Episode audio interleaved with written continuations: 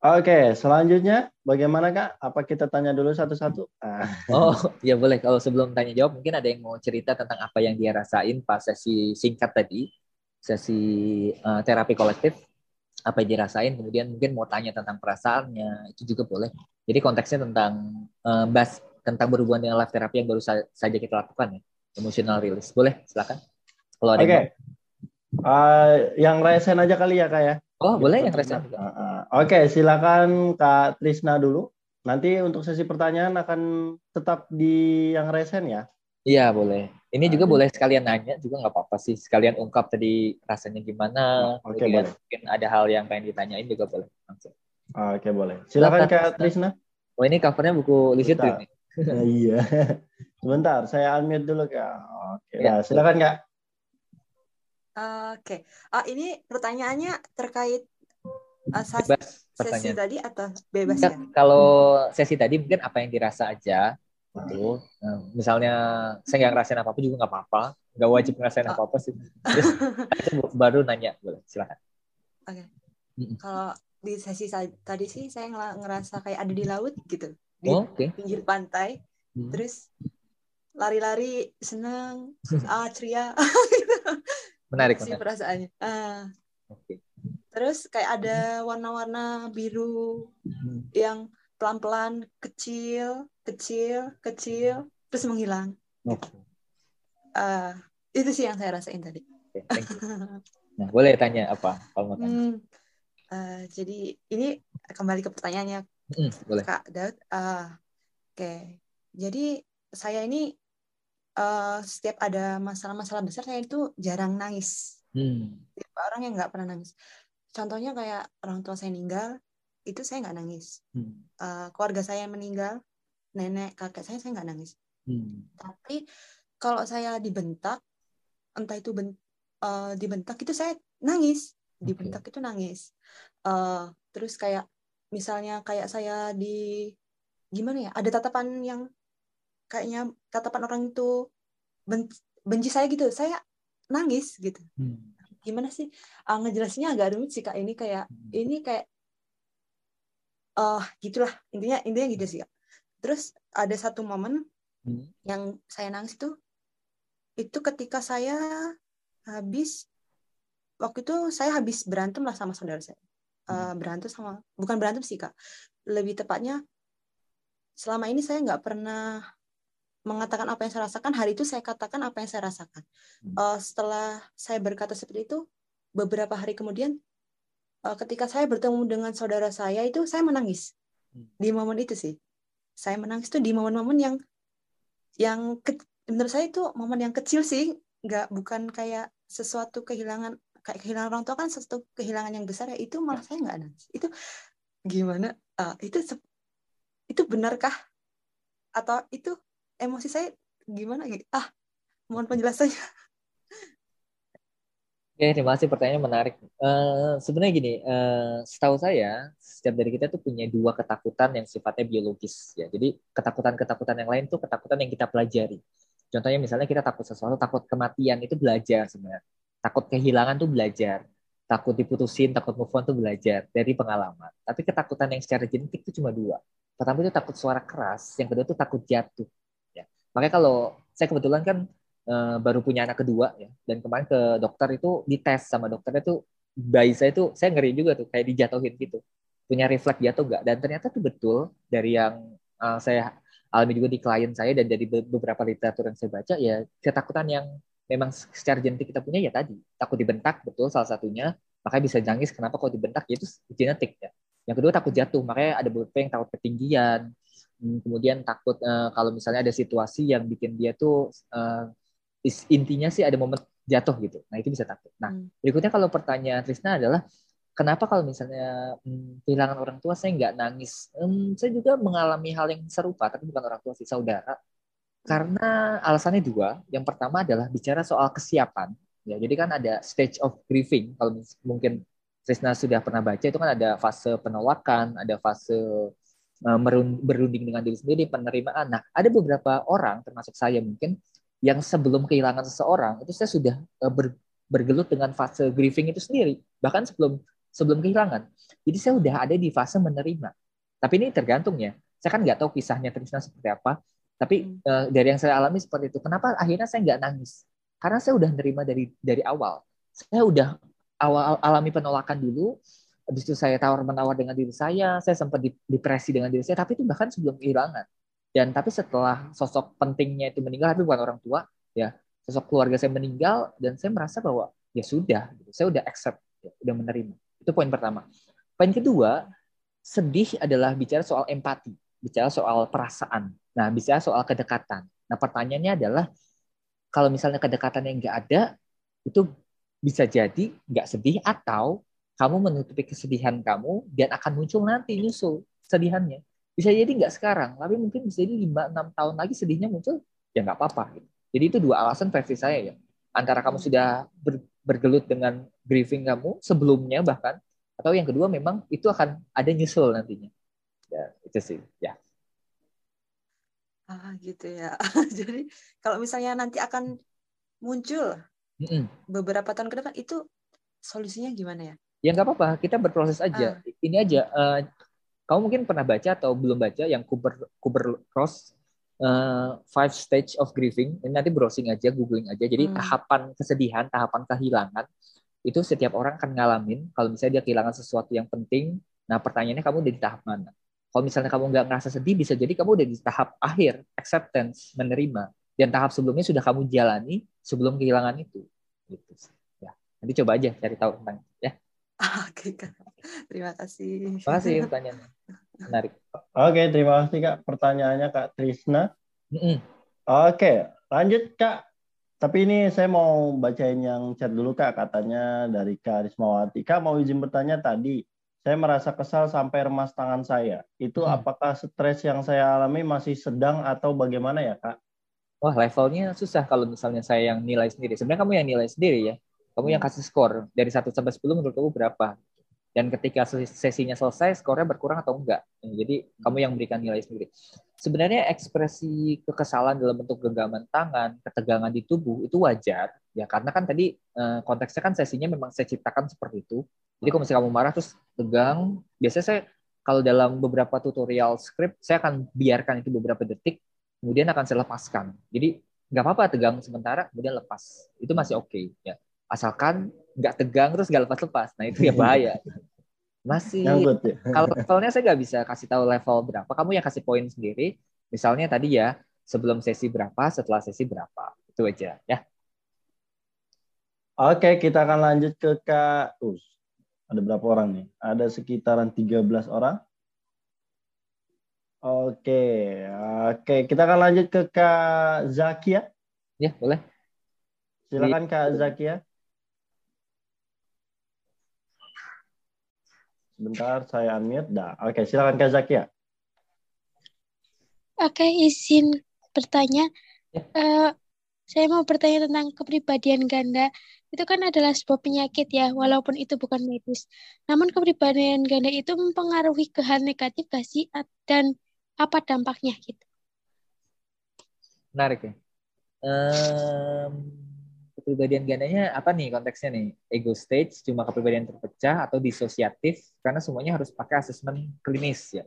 Nggak bisa misalnya kamu ketemu orang, dia berubah-ubah terus, oh jangan-jangan dia kepribadian ganda? Enggak, itu persona namanya, pemain sosial. Itu wajar. Nah kepribadian ganda biasanya ada beberapa eh, cirinya atau beberapa termnya yang harus dipetakan secara asesmen sama psikiater tentunya. Jadi kita nggak bisa bilang seorang tuh punya kepribadian ganda sebelum dia di asesmen. Gitu.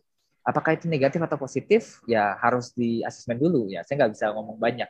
Kalau misalnya ngomongin soal gangguan kepribadian ya, itu sangat-sangat jarang ditemui sebenarnya. Jadi bisa dibilang langka, walaupun seperti itu, ini sebenarnya pro kontra ya. Sampai sekarang pun ada beberapa tokoh, beberapa profesional bahkan psikolog itu yang nggak percaya sama kepribadian ganda. Saya masih rancu karena saya belum menemukan secara real karena setiap kali klien saya yang katanya punya beberapa gangguan kepribadian, ternyata setelah dipetakan bukan, itu bagian dari dirinya. Karena kan kalau misalnya hmm, tahu kisahnya si Bill, tahu kisahnya Billy, Billy Michigan, kemudian tahu kisahnya Ted Bundy, itu kan tokoh tokoh-tokoh yang katanya kepribadian ganda kemudian terkenal, bahkan membunuh ya. itu ketika mereka di terapi itu masih jadi pertanyaan besar. Apakah itu kepribadian ganda yang diciptakan ketika terapi sama terapisnya atau memang sengaja mereka ciptakan supaya menghindari hukuman? Itu masih rancu.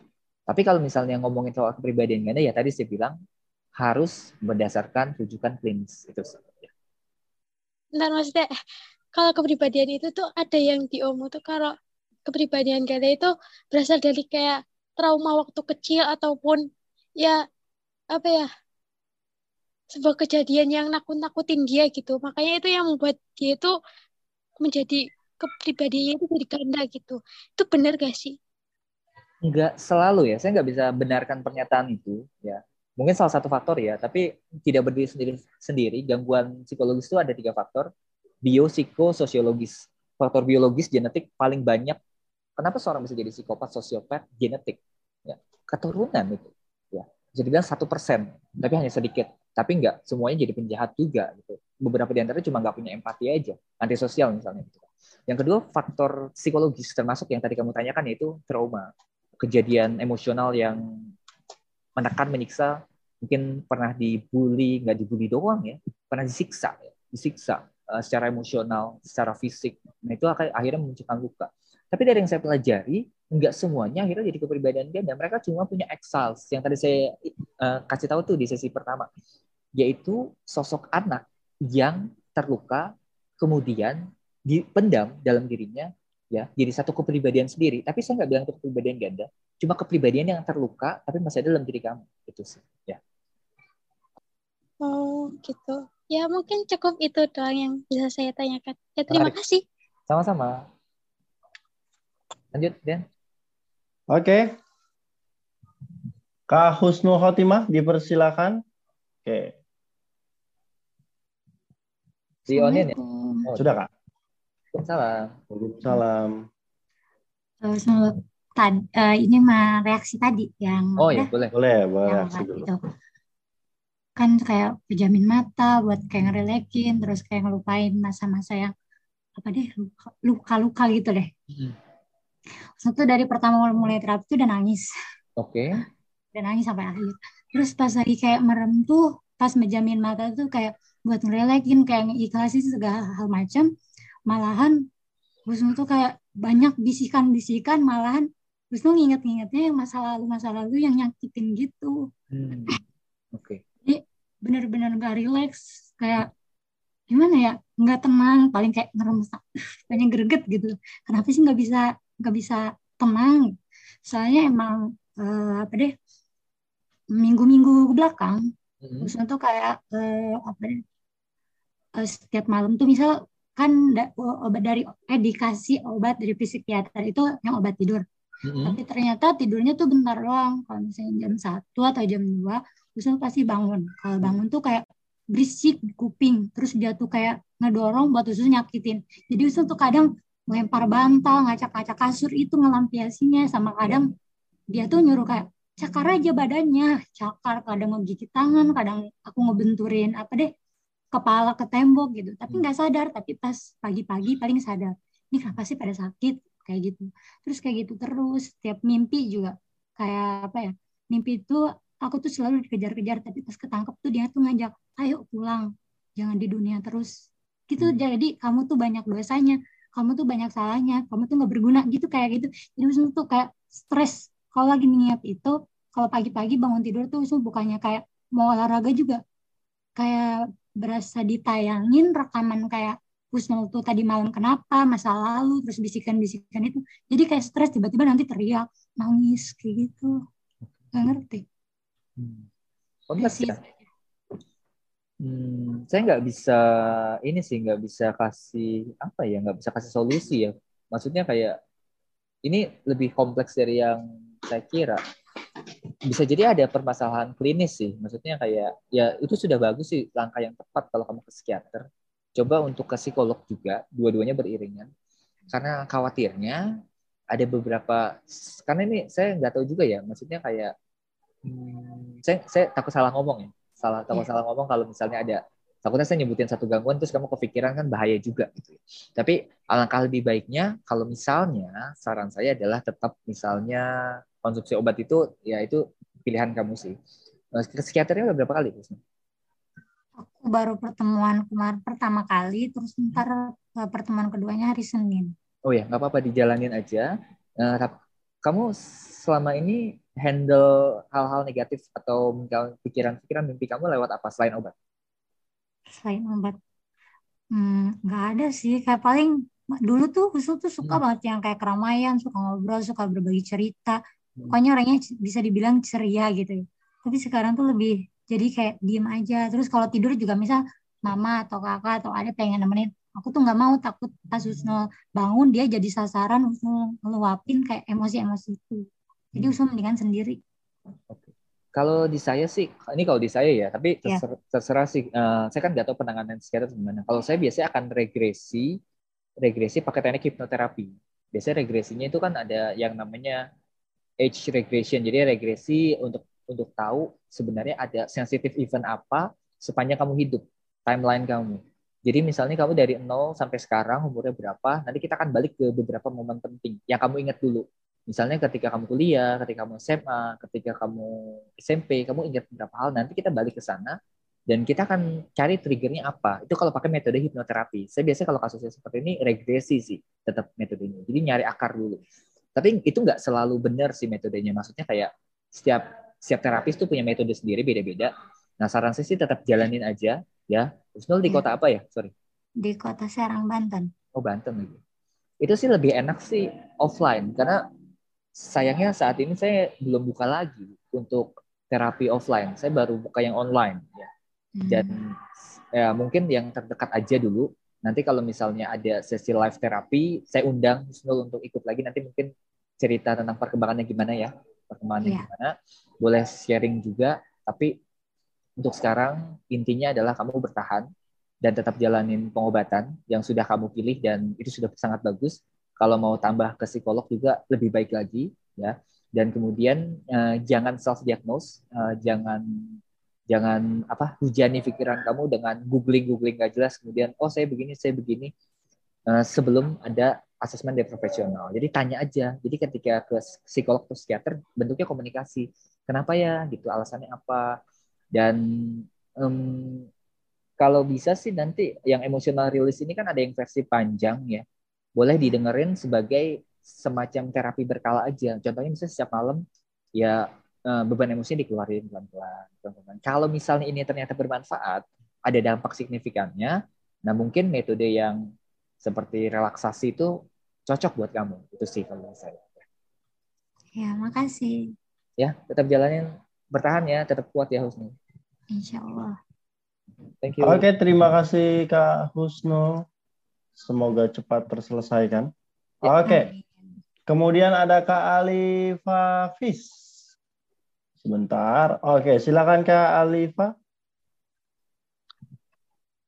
Bismillahirrahmanirrahim. Assalamualaikum warahmatullahi wabarakatuh.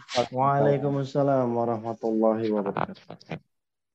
Uh, jadi kak, aku itu orangnya mood swing gitu kak jadi aku kalau moodnya lagi senang tuh bisa hype banget gitu ngelakuin segala sesuatu kayak senang banget cuman bisa aja pas lagi posisi itu tuh moodnya tuh jadi berubah drastis kak jadi ngedown gitu dan yang mempengaruhinya tuh perkataan orang lain kak jadi uh, yang bisa ngerubah yang mempengaruhi mood aku tuh perkataan orang lain. Nah terus aku itu masih sekolah kak. Masih kelas 2 SMA jadi di sekolahku itu ada open recruitment untuk uh, ke OSIS Kak. Dan aku tuh uh, ingin sekali jadi ketua OSIS tapi satu sisi lain aku ngerasa aku berpikir kalau aku jadi ketua nanti aku harus bisa menghadapi kritikan-kritikan orang gitu perkataan-perkataan orang lain agar aku bisa tetap stabil gitu jadi ketua gak ngedon gak apa jadi intinya uh, aku izin bertanya gimana cara kita menghadapi perkataan-perkataan orang lain itu kak uh, terima kasih mungkin itu aja kak Makasih pertanyaan. Ini Rian jangan-jangan udah tahu jawaban saya apa ya? Oke lanjut ya. Jawaban saya sama seperti minggu lalu, pertanyaan mirip ya. Tapi pertanyaannya memang ini ya bisa dibilang berat untuk dijalani. Ya, yaitu kamu belajar cari tahu ya tentang dikotomi kendali. Jadi dikotomi kendali itu prinsipnya adalah ada hal yang di dalam kendali kita, ada hal yang di luar kendali kita. Nah, ketika kita terlalu sering memikirkan hal di luar kendali kita, yang ada itu jadi masalah baru buat kita. Nah, nanti saran saya untuk apa Alif ya, Alif adalah kita fokus ke hal yang bisa kita kendalikan. Perkataan kita, persepsi kita, tindakan kita. Nah, sementara persepsi orang lain, perkataan orang lain, tindakan orang lain itu di luar kendali kita. Yang bisa kita lakukan adalah menerima atau biasanya itu ya udah diabaikan. Nah, kamu ini aja googling, ya, closing, dikotomi kendali. Nah, itu belajari itu. Itu jadi persiapan kamu nanti untuk nyalonin diri jadi ketua OSIS. Semoga membantu. Oke, dilanjutkan ke Kak Nikita.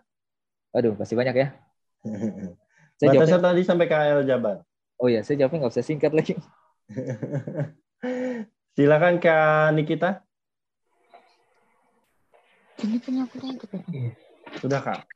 Halo, selamat malam. Malam Kak. Saya pas merak yang saya rasakan di saat pas apa tadi aduh terapi tadi yang saya rasakan saya berada di sebuah gunung kayak gitu kayak ada air terjunnya ngerasain air sejuk dingin terus di sekitaran saya berasa warna-warna hijau semua kayak membuat diri kita tuh lebih tenang gitu pikiran lebih rileks terus saya mau bertanya kayak gini. Selama ini apa pun omongan orang apa aja yang dibicarakan orang hal itu walaupun hal sepele langsung jadi pikiran saya. Hmm. saya jadi terbebani dengan pikiran itu terkadang bisa stres berlebihan nanti bisa sakit sakit sendiri kadang nggak makan terus suka nyakit nyakitin diri gitu loh. Nanti kalau udah terlalu banyak nampung masalah atau beban pikiran gitu kadang mukul-mukul kepala sendiri kayak pokoknya kayak ber, merasa saya tuh kalau ada masalah tuh merasa paling terbebani. Kayak gitu aja sih Mas Daud. Hmm. terima kasih tadi nggak ada pertanyaan ya? Saya yang buat pertanyaan gimana ngatasinnya gitu kali ya?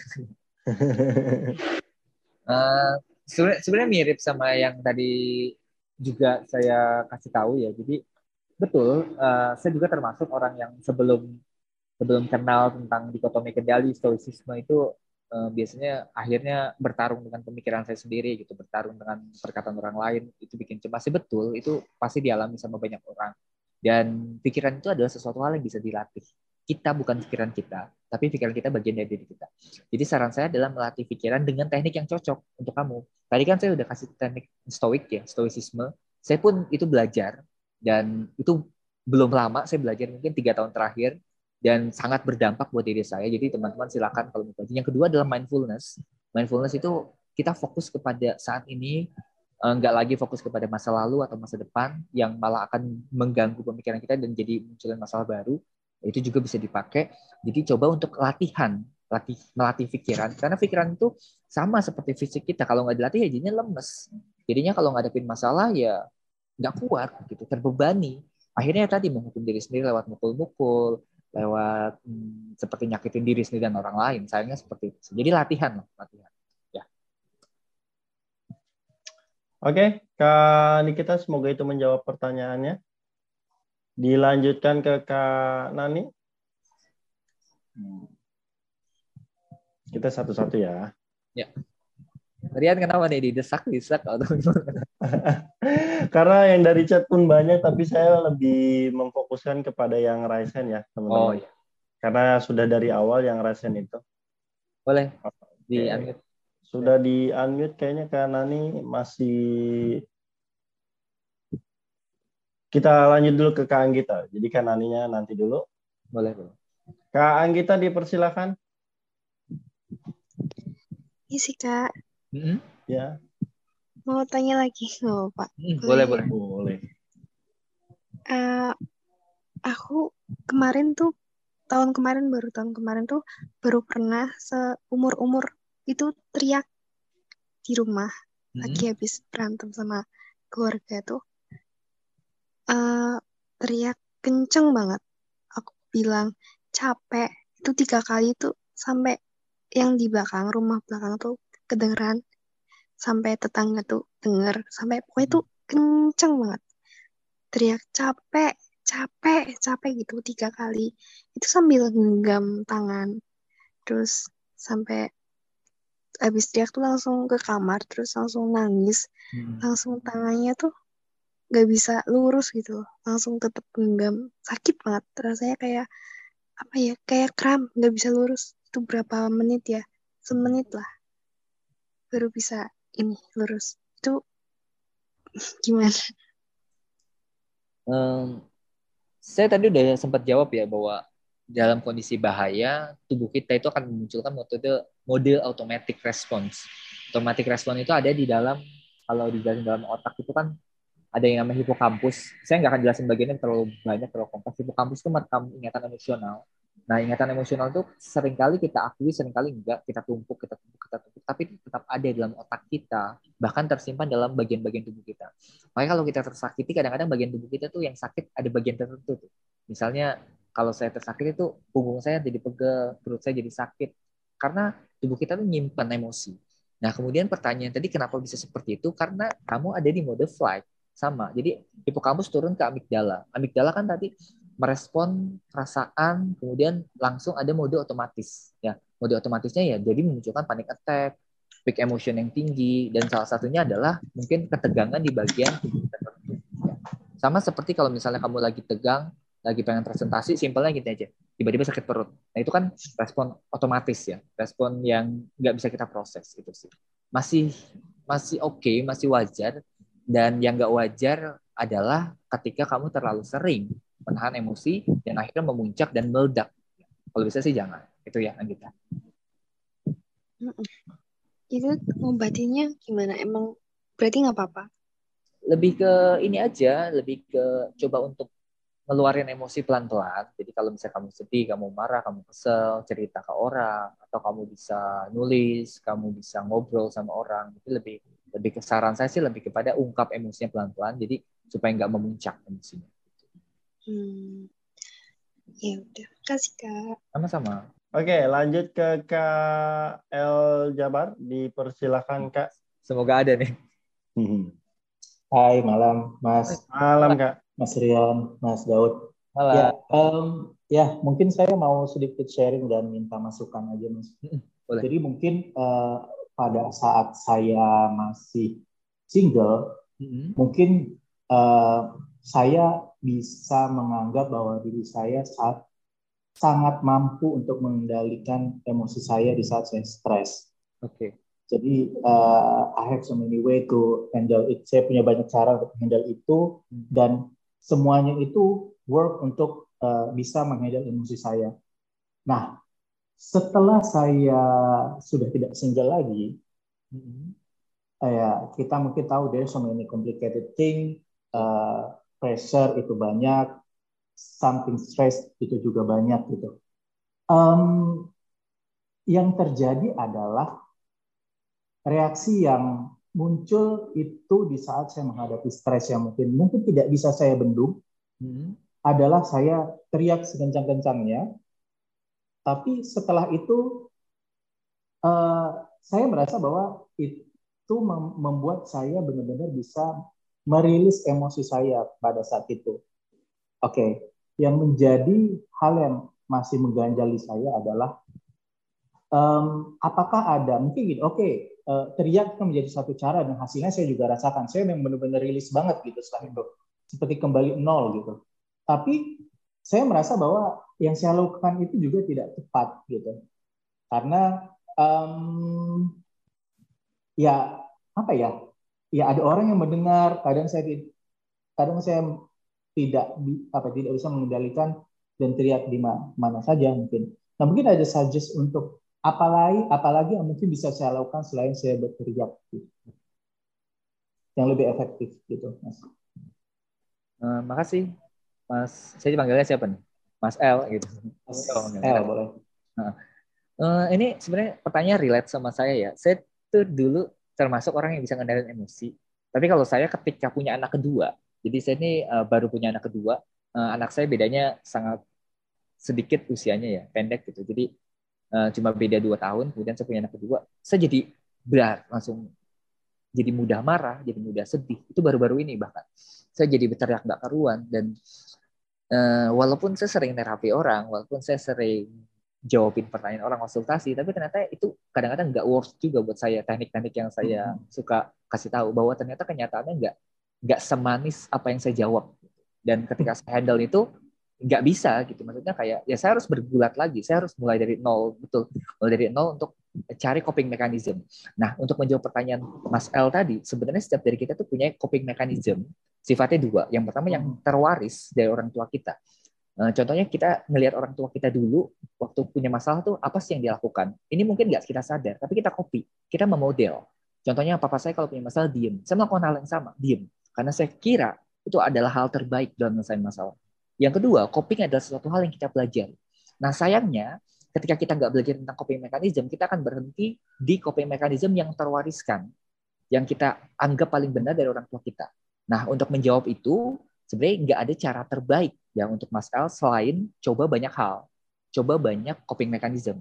Contohnya tadi kan teriak okay. salah satunya. Nah kita coba yang lain. Misalnya suka nulis nggak? Coba aja journaling. Cocok nggak? Nggak cocok tinggalin. Coba yang lain misalnya, uh, misalnya lewat olahraga, lari atau lewat boxing gitu. Berguna nggak? Worse nggak? Kalau misalnya berguna ya udah berarti itu termasuk.